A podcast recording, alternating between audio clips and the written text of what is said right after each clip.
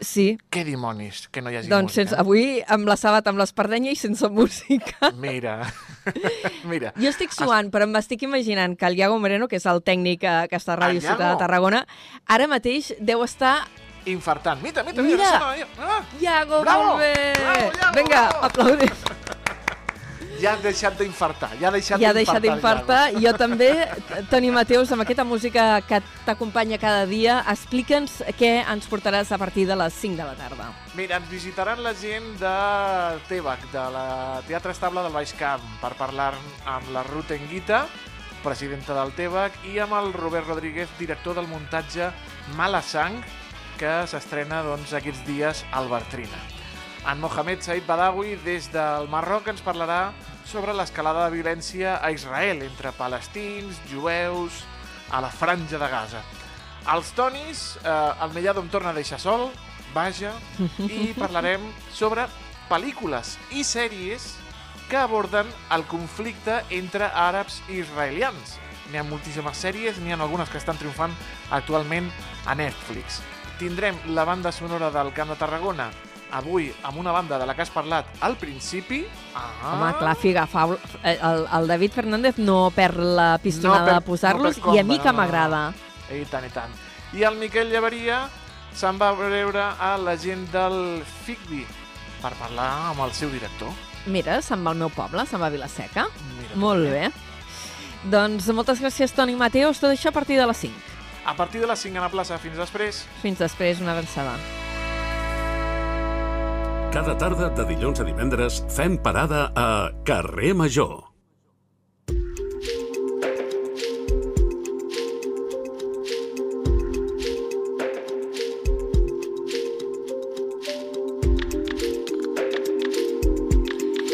Dos minuts, encara no hi seran un quart de cinc de la tarda i és el moment de saludar el primer convidat d'avui al programa Carrer Major, és en Josep Bargalló. Molts el coneixereu perquè és exconseller d'Educació, però a nivell més local també se'l coneix perquè és membre de la Junta del Centre d'Estudis Cinema Aldamàs, ha fet molta recerca en l'àmbit local i forma part de la comissió que organitza els actes del bicentenari del naixement del torrenc Joan Manyí Flaquer, que és considerat el pare del periodisme modern. I per això l'hem convidat avui. Josep Bargalló, bona tarda. Que, a més, no sé si aquest és el teu micro, aniré provant, eh? Perquè havia, tenia apuntat el 2. Ves parlant, tu ves parlant. Hola, bona tarda. I, doncs, no sé, posa't a l'altre, el del costat, si plau. Hola, bona tarda. Molt millor, infinitament millor. Eh, millor. Veus? Eh, tenim problemes de micros, hem començat amb problemes de música, problemes de micros, ja ho tenim tot compensat. Ara anirà superbé. Dèiem que t'hem convidat eh, perquè formes part d'aquesta comissió del bicentenari de Joan Manyí i Flaquer i, de fet, aquest cap de setmana, aquest dissabte, feu ja un acte mm, institucional, per dir-ho d'alguna manera, per retre homenatge a aquest torrenc il·lustre. D'una banda, descobrireu una placa a on era casa seva, la seva casa pairal.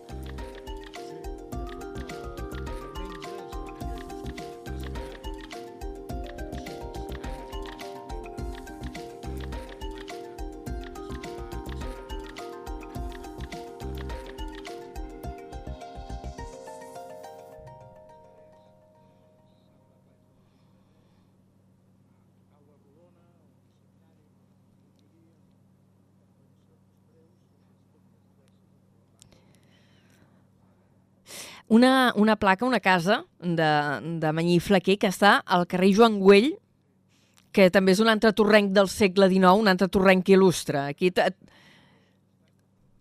eren veïns.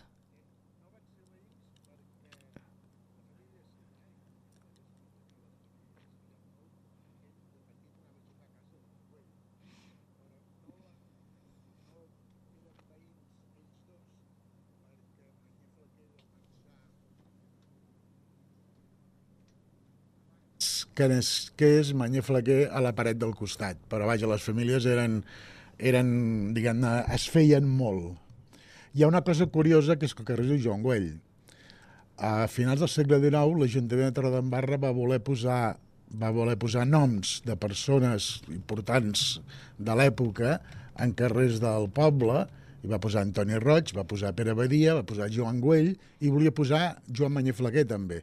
Però Manyer estava viu i va fer un article furibund al diari de Barcelona. En sèrio? Sí, amb una cosa que jo crec que tenia raó, eh? que tenia raó, que era No. que els noms tradicionals dels carrers no s'han de tocar.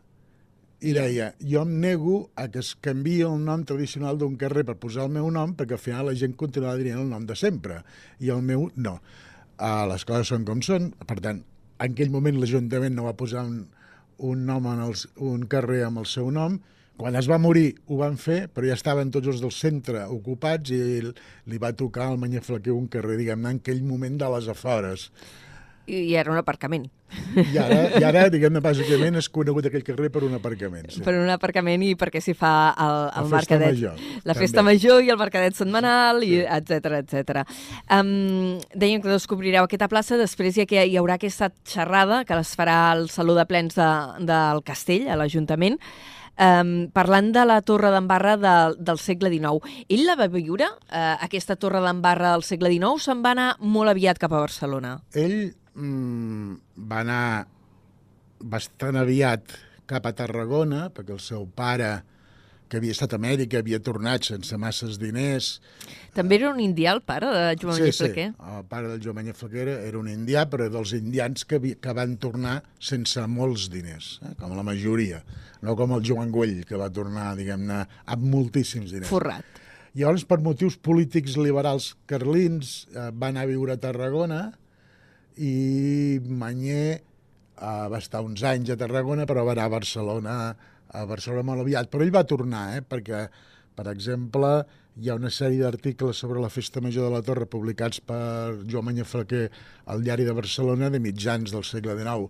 Ell se sentia molt torrenc perquè el pseudònim que feia servir quan no signava amb el seu nom era Joan de la Torre. Ah, veus això, detallets que, que vaig descobrir, això tampoc ho sabia. Eh, de fet, parlaves d'aquesta festa major, eh, ell en parla en els seus articles i, i també parla dels castells, que per això una mica se'l considera com a pioner del periodisme, entre Sí. les coses que se'l considera pioner, no? Diguem- el periodisme casteller. diguem-ne que en el acabat eh, d'inaugurar Museu Casteller de Valls eh, hi ha un text, dels pocs textos que hi ha, perquè és un museu molt visual, eh, justament parla de Manyer Flequer com el primer cronista casteller de la història. Sí, li, ell em parla de la festa major de la Torre, que la devia viure de petit molt, perquè la casa on va néixer és davant de la rectoria, per tant, eh, entre l'Ajuntament Vell i l'Església, per tant, El rovell de l'ou. al Sella, un mig de la festa major, i ell en parla amb, amb molt d'entusiasme. A més, són uns articles com a didàctics, però estan fets per explicar a la gent de Barcelona què són els castells, què és la festa major Camp de Tarragona, els diables, etc. Eh, perquè Joan Manyer i Flaquer, situem una mica el personatge, neix a la segona dècada del segle XIX, 1900, si ara es fa el bicentenari, per tant, 1823, eh, i va desenvolupar la seva carrera a Barcelona i va ser el director del Diari de Barcelona, eh, que també va renovar. Ell va ser, per exemple, ell va agafar el diari de, el diari de Barcelona, el diari dels Brusi, que eren els amos, que era un diari d'avisos i notícies, com tots els diaris de moment. I el va convertir en un diari d'informació i opinió. Ell va fer, per exemple, va ser el primer diari de l'Estat que va tenir corresponsals a l'estranger. Ell va fer aquest pas dels diaris antics, que eren els de l'Estat, a un diari ja semblant als diaris moderns com podien ser els francesos o els anglesos. I per això se'l considera, diguem-ne, el pioner del periodisme modern i va convertir això el diari de Barcelona en el diari d'influència del, del moment.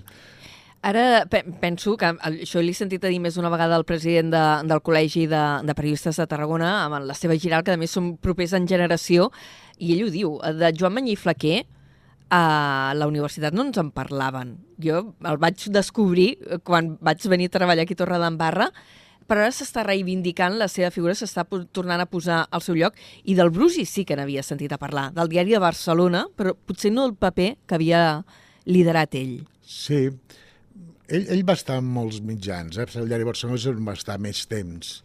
Ell fins i tot va ser contractat per dirigir un diari de Madrid important. Sí, va anar-hi i al cap d'unes setmanes va tornar perquè va dir que ell no, no aguantava. Era un personatge, diguem-ne, també eh, amb moltes arestes. Ell va ser nomenat governador civil per, de Barcelona, però no va, no va acceptar el càrrec. I va sortir el nomenament publicat, però ell no va anar mai... No es va presentar. No, no es va presentar.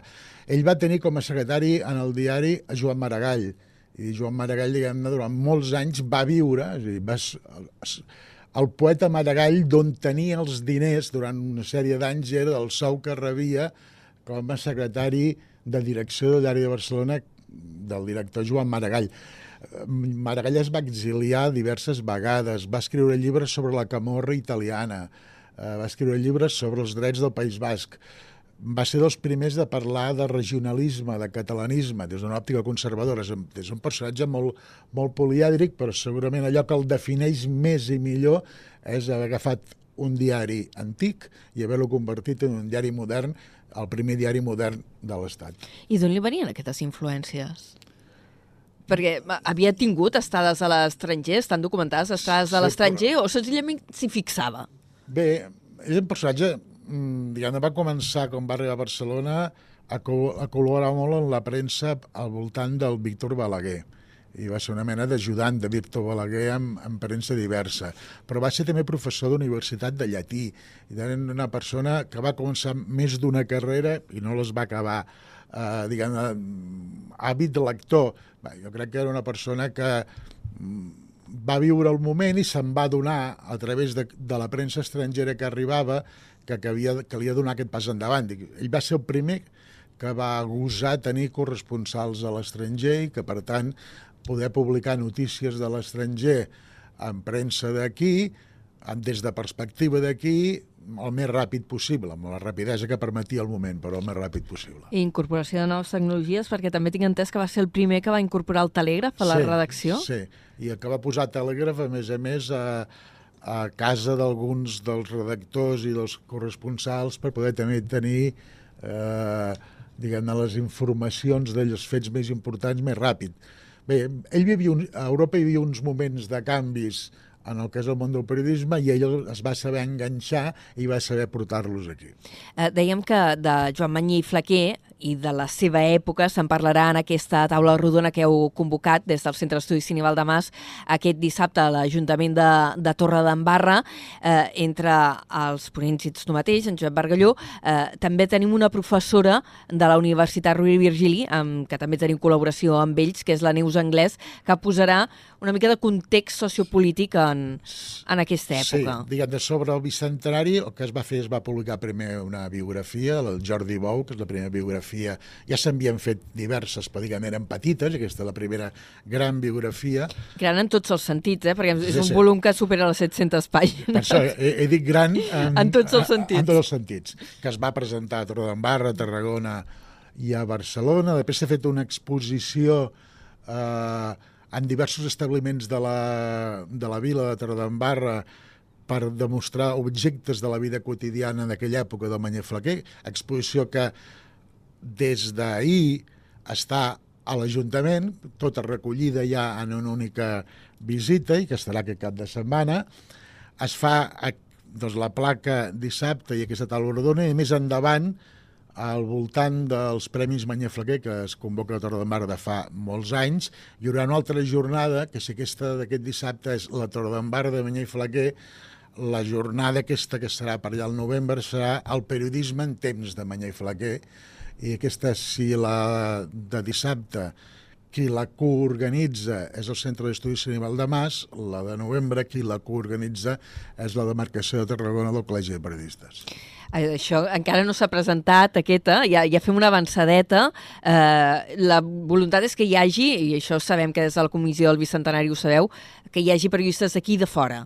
Sí, mm, Direm on, fins on se pugui dir, eh? perquè hi ha coses que encara no estan confirmades. Diguem, Manyer Flaquer mm, va treballar a Barcelona, bàsicament, i per tant eh, és evident que el seu periodisme tenia una perspectiva molt catalana, però molt barcelonina, però també és evident que a les nostres comarques hi ha gent suficientment experta com per poder també explicar eh, el món de la premsa al nostre país en l'època de Manyaflaquer i el que va significar Manyaflaquer en el periodisme del seu moment.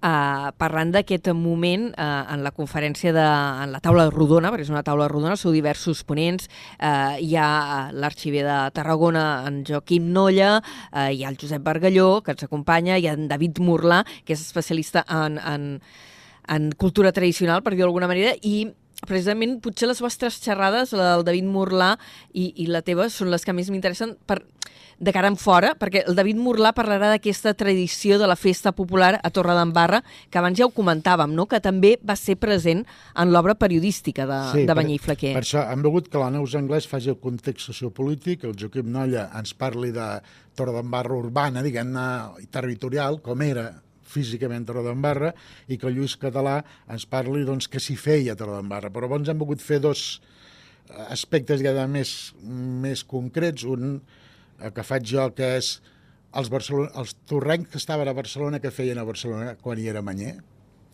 i el David Morlà que parla de la festa major a partir d'aquests articles del mateix Manyer Flaquer sobre la festa major de Torredembarra. Se n'ha fet recopilatori d'aquests articles o estic donant una idea? Ja, S'han publicat ja diverses vegades, en sempre en volums d'història castellera. Mm. Perquè són molt importants, perquè són les dues primeres cròniques, a dir, les dues primeres vegades que es parla de castells des d'un punt de vista periodístic i didàctic, i explicar què s'ha fet i què vol dir cada cosa, i per això, diguem-ne, que el Museu Casteller se'l considera el primer cronista casteller, i s'han publicat, diguem que en volums de caràcter d'història castellera. Uh, abans ja hem dit que, que Joan Manyer i Flaquer tenia la casa Pairal, la casa seva era al carrer Joan Güell, que és un altre personatge il·lustre de la torre del segle XIX, que també va fer cap a Barcelona. És d'aquest entramat de personatges que, que parlarà en Josep Sí. Bargalló a la conferència de dissabte? Dir, al, en el segle XIX hi havia a Barcelona moltes coses, evidentment, eh? però hi havia el gran diari, que era el diari de Barcelona, dirigit durant molts anys per un tornec, per Banyer Flaquer, hi havia l'eclosió industrial del segle XIX, en part amb diners provinents d'Amèrica, on el gran industrial és Joan Güell, però no només és el gran industrial del vapor, de la maquinista terrestre, és també el gran inversor, però també el, la persona que inicia una nissaga noble, els Güells, comtes i, i tot això és el relacionat amb la monarquia, eh, perquè al Palau de Pedralbes li regalen al rei els Güell. És també el Banc de Barcelona, on el primer administrador és un torrenc, Jaume Badia, el primer director és un torrenc, eh, Marià Flaquer, però també són els Quatre Gats, eh, de Pere Romeu, també és la farmàcia Givert de Barcelona, que és la primera cosa que fa Gaudí quan acaba la carrera, o fins i tot... Pensava Eh, que la primera cosa havia sigut la capella de Jesús i Maria de Tarragona. diuen que la primera cosa que dissenya... Primera, primera? La primera que dissenya, és, és, dissenya la... Diguem, encara no fa l'edifici, ell, eh? Ell el que fa és la, la decoració de la façana i decoració interior. És la primera cosa que fa sortint, diguem, encara no ben bé com a arquitecte, perquè no és l'obra, i després, fins i tot, doncs tenim el Pere Ixalà, el Paroi, que és el primer mm, que, català que es dedica professionalment al toreig i per tant hi ha els Quatre Gats, la plaça del Túril de la Barceloneta, el Banc de Barcelona, el Palau Güell, Gaudí, el Diari de Barcelona. Per tant, ja és un moment on molts torrencs són molt importants a Barcelona, cosa que no havia passat abans i que no passarà després. És una història aquesta que al Josep Bargalló li agrada, li agrada molt i jo que alguna vegada li he sentit a dir eh, que el modernisme, eh, que, que derivaria de tota aquesta època, no s'entén sense la, els diners que venen de eh, la gent que va fer fortuna a les Amèriques, molts d'aquí a Torredembarra. Sí, perquè cal recordar que eh, el gran mecenes de Gaudí són els Güell, no, no, Gaudí no ho fa tot pels Güell, però els grans mecenes són els Güell, els quatre gats giren al voltant de Pere Romeu i el gran pintor del modernisme Ramon Casas, que és fill d'un indià, fill i net d'uns indians de Torredembarra. Mm, Bé, hi ha, diguem, una espècie de gent de Torredembarra en una part important del modernisme i tots aquests tenen a veure personalment o familiarment en el món dels indians. I, I entre ells hi havia relació, entre tota aquesta gent? O és allò de mm, surten d'aquí a Torredembarra, No. fan cap a Barcelona i allí cadascú fa la seva vida? O hi continua havent... Hi havia, hi havia relació entre ells. Jo dissabte explicaré totes les empreses que hi havia més d'un accionista de Torredembarra, dels grans empreses, eh?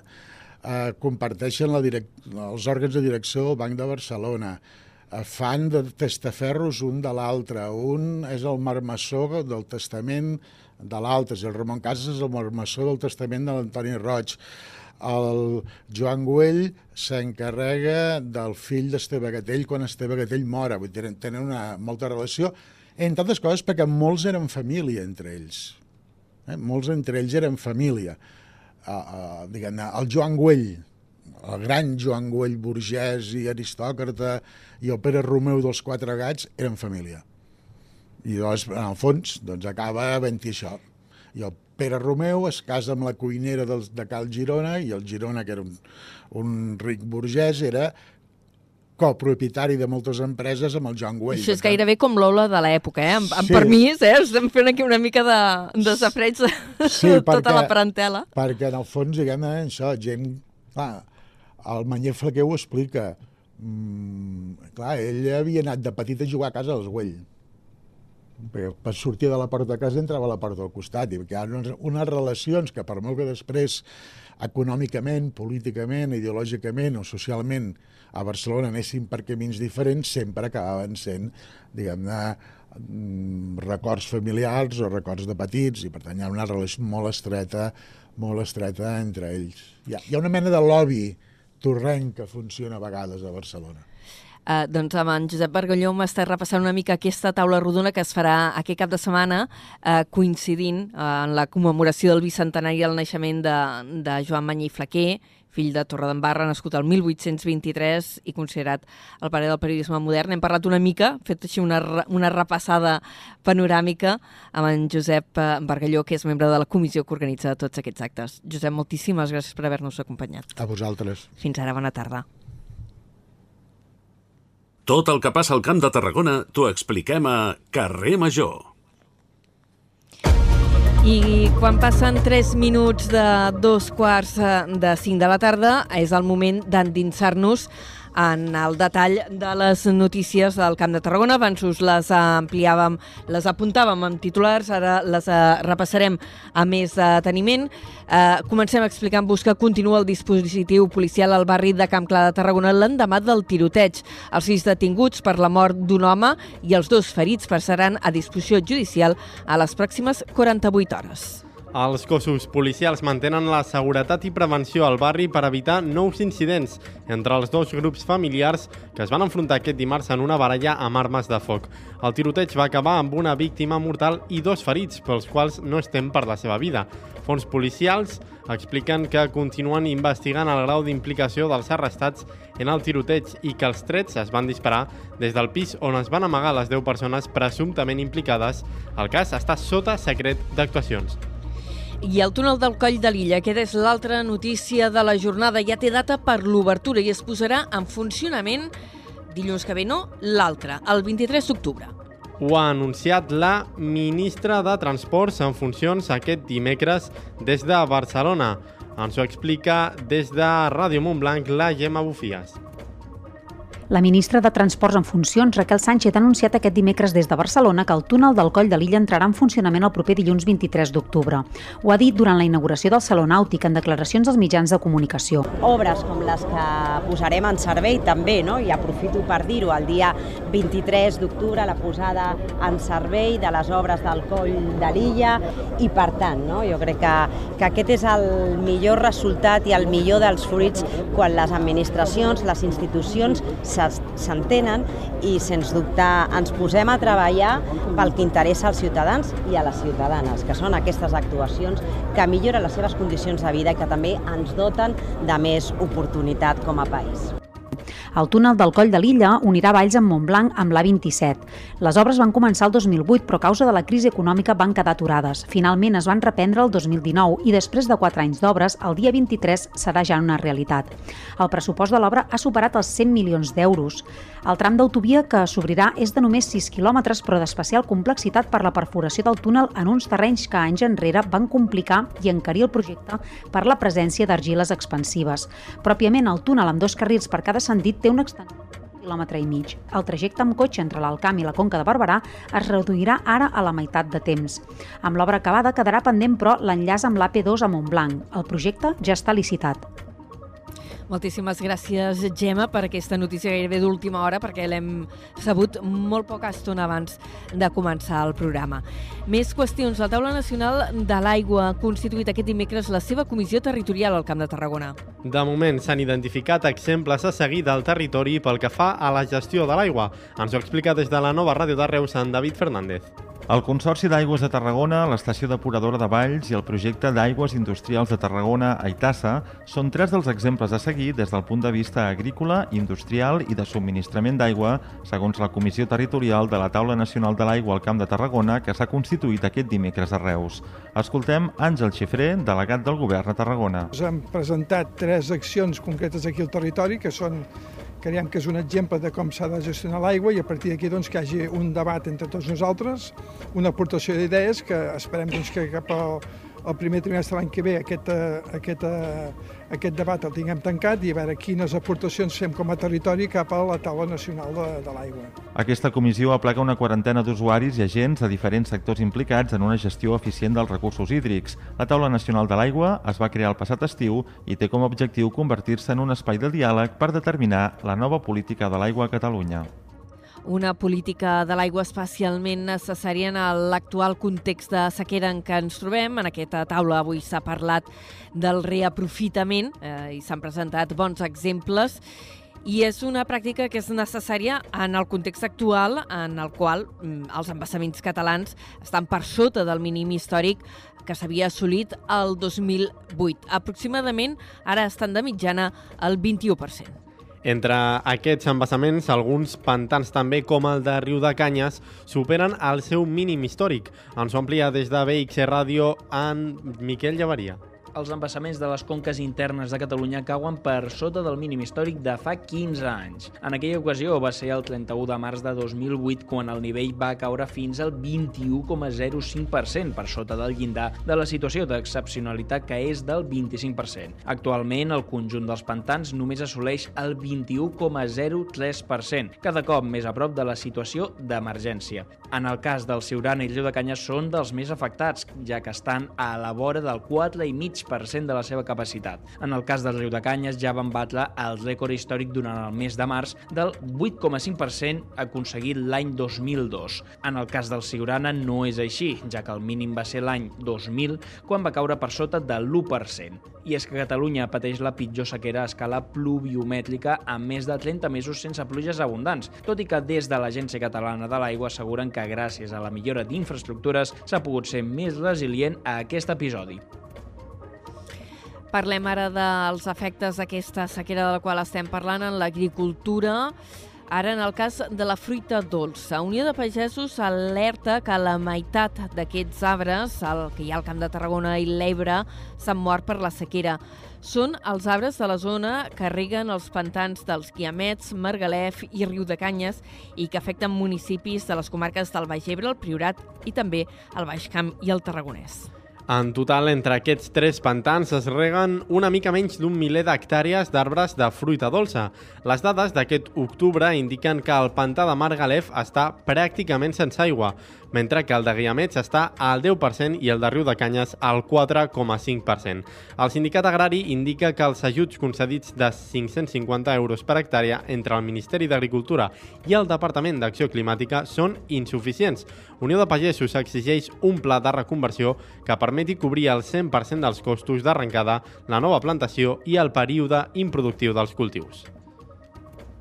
I d'altra banda, ha acabat eh, ja fa uns dies la campanya de barema eh, d'enguany eh, per a la denominació d'origen Tarragona amb unes dades que també són preocupants respecte al volum de la recollida. La sequera ha canviat el panorama de la barema baixant la quantitat, però indiquen que ha augmentat la qualitat del producte. Ens ho explica des de Ràdio Ciutat de Tarragona l'Adrià Tella ha acabat la barema d'aquest 2023 per la denominació d'origen Tarragona i ho ha fet amb una important reducció de la producció a causa de la forta calor i la sequera dels darrers mesos. Ara bé, des de l'entitat fan un balanç molt satisfactori per la qualitat del raïm que s'ha collit. La DO tarragonina deixa clar que l'estat sanitari del gra és especialment bo, tot i ser una mica més petit de l'habitual. Asseguren que la notable baixada de temperatures a principis del passat mes de setembre, coincidint amb el moment àlgid de la barema, va afavorir equilibrar el grau i l'acidesa, permetent així la gran qualitat final final del raïm. Pel que fa a xifres concretes de producció, aquest 2023 deixa una disminució global al voltant del 30% al territori. Malgrat això, des de l'entitat manifesten que ha estat una barema molt irregular segons les diferents zones que conformen la DO Tarragona. Per exemple, la Ribera d'Ebre, la presència del riu i comptar amb el rec de suport ha provocat que la disminució sigui menys acusada que al Camp de Tarragona. En total, a la DO Tarragona s'han veremat més de 2 milions i mig de quilos de raïm, dels quals el 82% correspon a varietats blanques. Dins d'aquestes, el macabeu, amb un 70% del total i un milió i mig de quilos, és la varietat predominant, consolidant-se així com la varietat emblema de la DO. Entre les varietats negres, que se n'han bremat prop de 500.000 quilos, destaquen l'ull de llebre i la garnatxa negra. Fet aquest eh, balanç, entrem en crònica local, són les 4 i 42 minuts, i ens situem en primer lloc a Reus, on l'empresa pública Redessa ha adjudicat ja la construcció, promoció i gestió de fins a 132 habitatges protegits. Aquesta promoció s'ubicarà a la zona de Mas Iglesias. Ens ho explica des de la nova ràdio de Reus, en David Fernández. L'empresa Llogueralia Reus SL s'ha constituït per a la gestió del projecte de construcció, promoció i gestió de 132 habitatges de protecció oficial en un solar de gairebé 2.000 metres quadrats de la zona de Mas Iglesias. Els edificis projectats són de dos dormitoris, de tres i adaptats, de planta baixa per a comerços i serveis, més sis pisos d'alçada. Aquesta promoció d'habitatges està subjecta a rebre ajudes dels fons europeus Next Generation, tal com va marcar l'Agència de l'Habitatge de Catalunya. L'import màxim que es podrà rebre és de 3,3 milions d'euros. L'Ajuntament de Reus diu que aquesta adjudicació suposa el primer pas en el compromís d'augmentar l'habitatge protegit de la ciutat. Moltes gràcies, David. D'altra banda, a Reus, l'Ajuntament també ha anunciat que s'obre un procés participatiu per incloure propostes de ciutadania en l'elaboració del Pla d'Acció Municipal, el PAM. El govern de la ciutat oferirà una audiència pública i diferents tallers participatius per tal de recollir les propostes. Des de la nova ràdio de Reus, David Fernández. L'equip de govern de Reus explicarà en una audiència pública el dia 18 d'octubre les accions recollides en el Pla d'Acció Municipal d'aquest mandat 2023-2027. A partir d'aquí, els dies 23, 24 i 25 se celebraran tres sessions en forma de tallers participatius per a que els veïns i veïnes de Reus puguin fer propostes concretes. Tot seguit, la ciutadania podrà votar aquestes propostes i les sis que rebin més vots s'incorporaran directament al Pla d'Acció Municipal.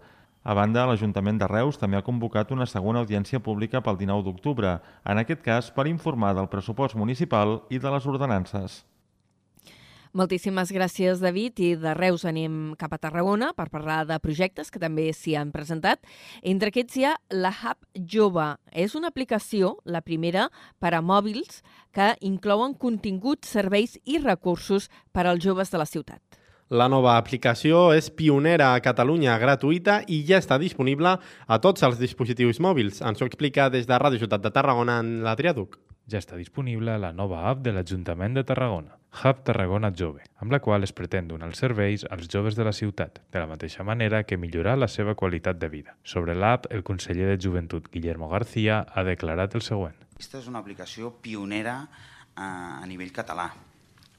Uh, sí que podem trobar doncs, alguns portals webs amb, amb informacions, però aquesta, aquesta aplicació web, aquesta nova eina, uh, agrupa i interconnecta tots els serveis a la gent jove uh, que ofereix l'Ajuntament de Tarragona. Amb aquesta línia d'agrupar continguts i responent a la demanda de crear instruments que apropin la informació a la gent jove, s'ha intentat que la Hub Tarragona Jove sigui un contenidor de contenidors, on es puguin trobar un nou canal de participació, un nou canal de comunicació, un aparador de recursos i propostes, una eina d'expansió i una manera de connectar serveis. L'app, que ja es pot descarregar tant per iOS com per Android, també comptarà amb un xat a WhatsApp, on poder fer consultes i parlar amb els tècnics dels diferents serveis disponibles disponibles. Gràcies, Adrià. L'Ajuntament de Tarragona ha engegat també un projecte d'art urbà per sensibilitar i lluitar contra les violències sexuals i la LGTBI-fòbia. La iniciativa es desenvoluparà fins a l'any vinent i ja s'han pintat tres espais del centre de la ciutat.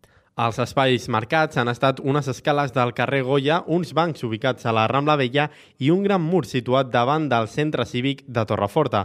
El projecte vol comptar amb la participació d'artistes del territori. Aquesta és una de les accions incloses en el conjunt d'actuacions que es porten a terme des de l'Ajuntament de Tarragona per defensar i visualitzar el col·lectiu LGTBIQ+, i les seves realitats, així com per prevenir l'homofòbia, bifòbia i transfòbia i l'assetjament escolar. Ens movem pel territori, anem cap al Baix Camp, on han acabat les obres d'adequació a l'entorn de Can Casals, al municipi de les Borges. Aquestes han permès adequar el pas de vehicles i vianants al tom de la cooperativa, un punt crític per culpa del pas d'autobusos. Ens ho amplia des de BXC Ràdio en Miquel Llavaria. Finalitzen les obres d'adequació de l'entorn de Can Casals a les Borges del Camp. L'actuació, emmarcada dins del programa Reviure les velles ciutats, han tingut un cost de gairebé 160.000 euros, 120.000 dels quals han estat subvencionats per l'Incasol. L'alcalde de les Borges del Camp, Quim Calatayud, explica que l'objectiu està en la millora del pas pel tom de la cooperativa. Que era necessari, és l'accés també per la banda dreta cap al centre d'assistència primària, cap a l'institut. Aquí teníem una problemàtica de pas de tots els autocars que venen a l'institut. Estem parlant del pas de 6-7 autocars diaris dos cops i tota la gent de, dels vuit pobles de, de l'entorn que per diferents circumstàncies van al, al centre d'assistència primària. Aquesta obra ha comportat l'enderroc i la construcció dels edificis adjacents i millora de l'accessibilitat a l'equipament cultural amb una vorera. Moltes eh, gràcies, eh, Miquel. Anem cap al Baix Gaià. El comerç de Torredembarres planteja crear una nova associació. Així es va proposar en la reunió que una trentena de responsables d'establiments dels municipis van mantenir amb la regidoria de Turisme i Comerç el passat dilluns. Ens ho explica des d'Ona la Torre en Josep Sánchez. L'associació que hi havia fins ara, la UCEP, Unió de Comerciants i Empresaris Professionals, ha quedat inactiva.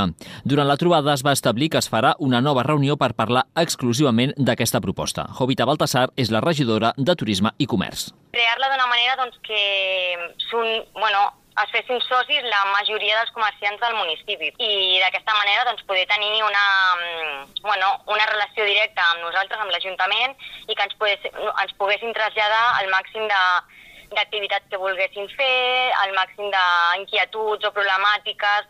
També es va parlar de l'organització de la pròxima edició de la Fira de Nadal, que es farà els dies 16 i 17 de desembre i que recuperarà la ubicació originària al nucli antic, des de la plaça de la Vila fins a la plaça del Castell. A més, es va oferir als comerciants la possibilitat de disposar d'una parada dins l'espai de la fira. Moltíssimes gràcies, Josep. Anem a Altafulla, on l'Ajuntament demana poder, eh, formalment poder fer ús de l'antiga casa del director de l'alberg per desenvolupar-hi projectes per al jovent. La petició s'ha traslladat a la Generalitat en una reunió per fer balanç i reformar la col·laboració entre amb dues administracions. Ens en donen més detalls des d'Altafulla Ràdio amb Pau Corbalan. L'Ajuntament d'Altafulla vol posar-se mans a l'obra en matèria de joventut i per aquest motiu reclama a la Generalitat poder usar l'antiga casa del director de l'alberg de joventut que hi ha al municipi. L'edifici fa 10 anys que resta en desús i el consistori considera que seria un bon equipament per poder posar-ho a disponibilitat de la ciutadania, fer projectes juvenils o fins i tot crear un espai autogestionat pels mateixos joves. Ho explica el coalcalde d'Altafulla i responsable de joventut, Jordi Molinera. Aquest equipament públic fa, fa una dècada que està, està en desús, que no, no s'utilitza, i des de l'Ajuntament doncs, eh, volem anar al darrere doncs, per dinamitzar aquest espai eh, amb algun tipus d'activitat, algun tipus d'ús que, que beneficia el jovent de, del poble. No? Parlàvem d'espais autogestionats pel jovent, per alguna associació juvenil, que n'hi ha alguna doncs, que s'està començant a mobilitzar o s'ha mogut en algun moment, doncs estem treballant en això. No? La petició formal s'ha fet en una reunió que ha comptat amb la presència de la directora de Joventut, Ruth Riba, i tècnics d'amb dues administracions. Anem cap al sud del Baix Camp. El tercer Vermut Live Music se celebrarà a l'Hospitalet de l'Infant aquest eh, cap de setmana, a partir de demà i fins diumenge. Aquest festival, que combina música en viu i gastronomia, durarà dos dies més que les edicions anteriors i comptarà amb la participació d'un total de 20 establiments de restauració. Ens ho explica des de Ràdio L'Hospitalet, Liri Rodríguez.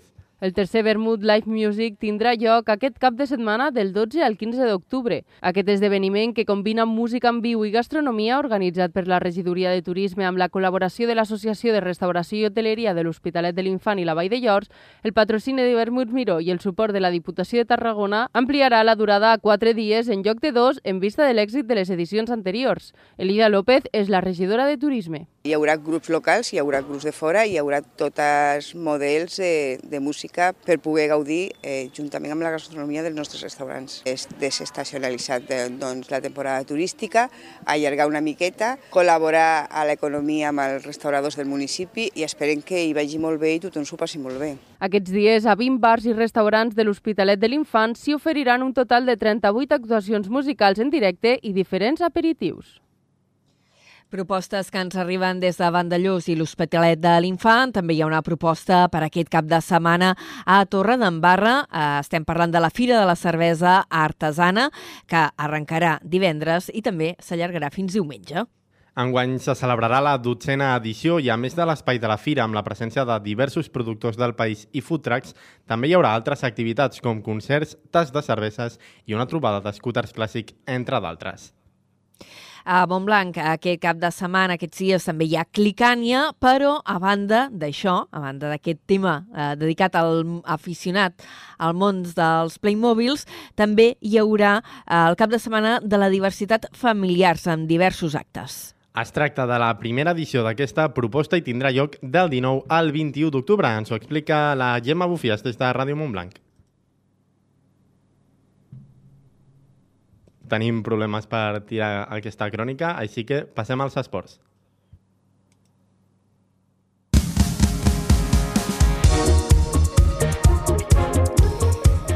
I parlem per començar del miler de gimnastes eh, de Catalunya i d'altres punts de l'Estat que participaran aquest cap de setmana al setè Trofeu Ciutat de Reus de Gimnàstica Rítmica.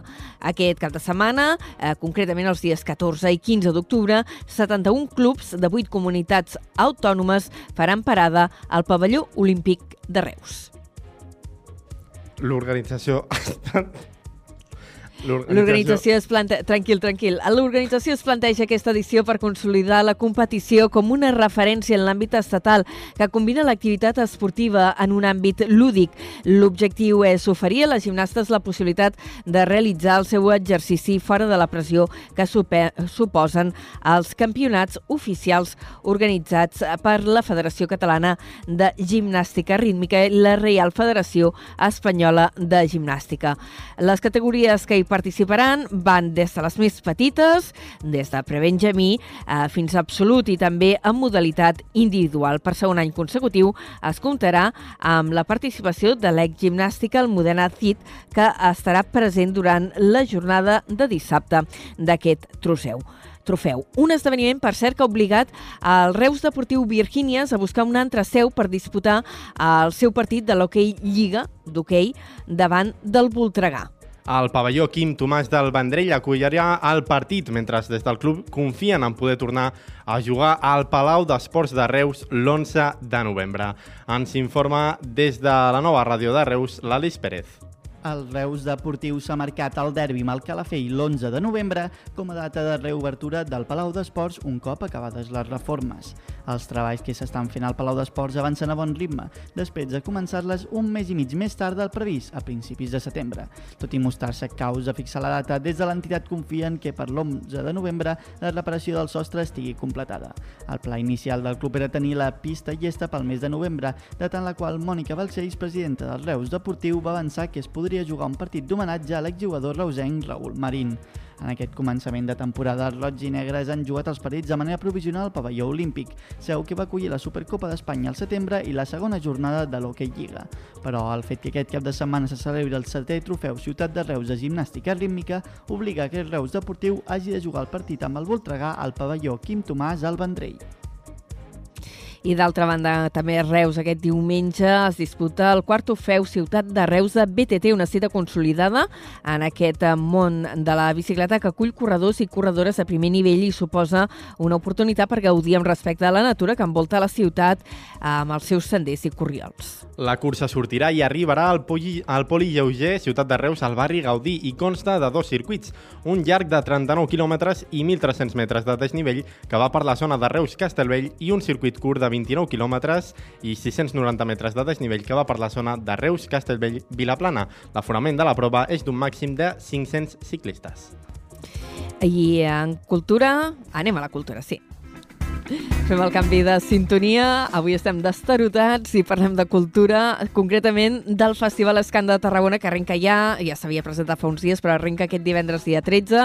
La desena edició del certamen fotogràfic s'allargarà fins al 26 de febrer de l'any vinent i enguany reflexiona al voltant de la temàtica traces. El festival arrencarà amb la inauguració de l'exposició Talent Latent, traces de llum, memòries de la imatge fotogràfica que es farà aquest divendres. Serà el Tinglador 2 del Moll de Costa i la mostra està basada en la noció de traça o petjada des d'una gran varietat de perspectives. D'altra banda, dissabte 14 se celebrarà el Full Contact, un espai relacionat, relacional professional que tindrà lloc al Teatret del Serrallo i eh, més prèvies perquè el Teatre Estable del Baix Camp, el Teva, que estrena aquest divendres nova producció, Malassanc, al Teatre Tarragona aquest dissabte arriba una gran proposta de clown amb la companyia Los Galindos i l'endemà diumenge també al Teatre Tarragona es dirigeix una lectura dramatitzada dirigida per Paloma Alza i nascuda d'una proposta del FIT. Tanquem així aquesta primera hora avui accidentada del programa. Adéu.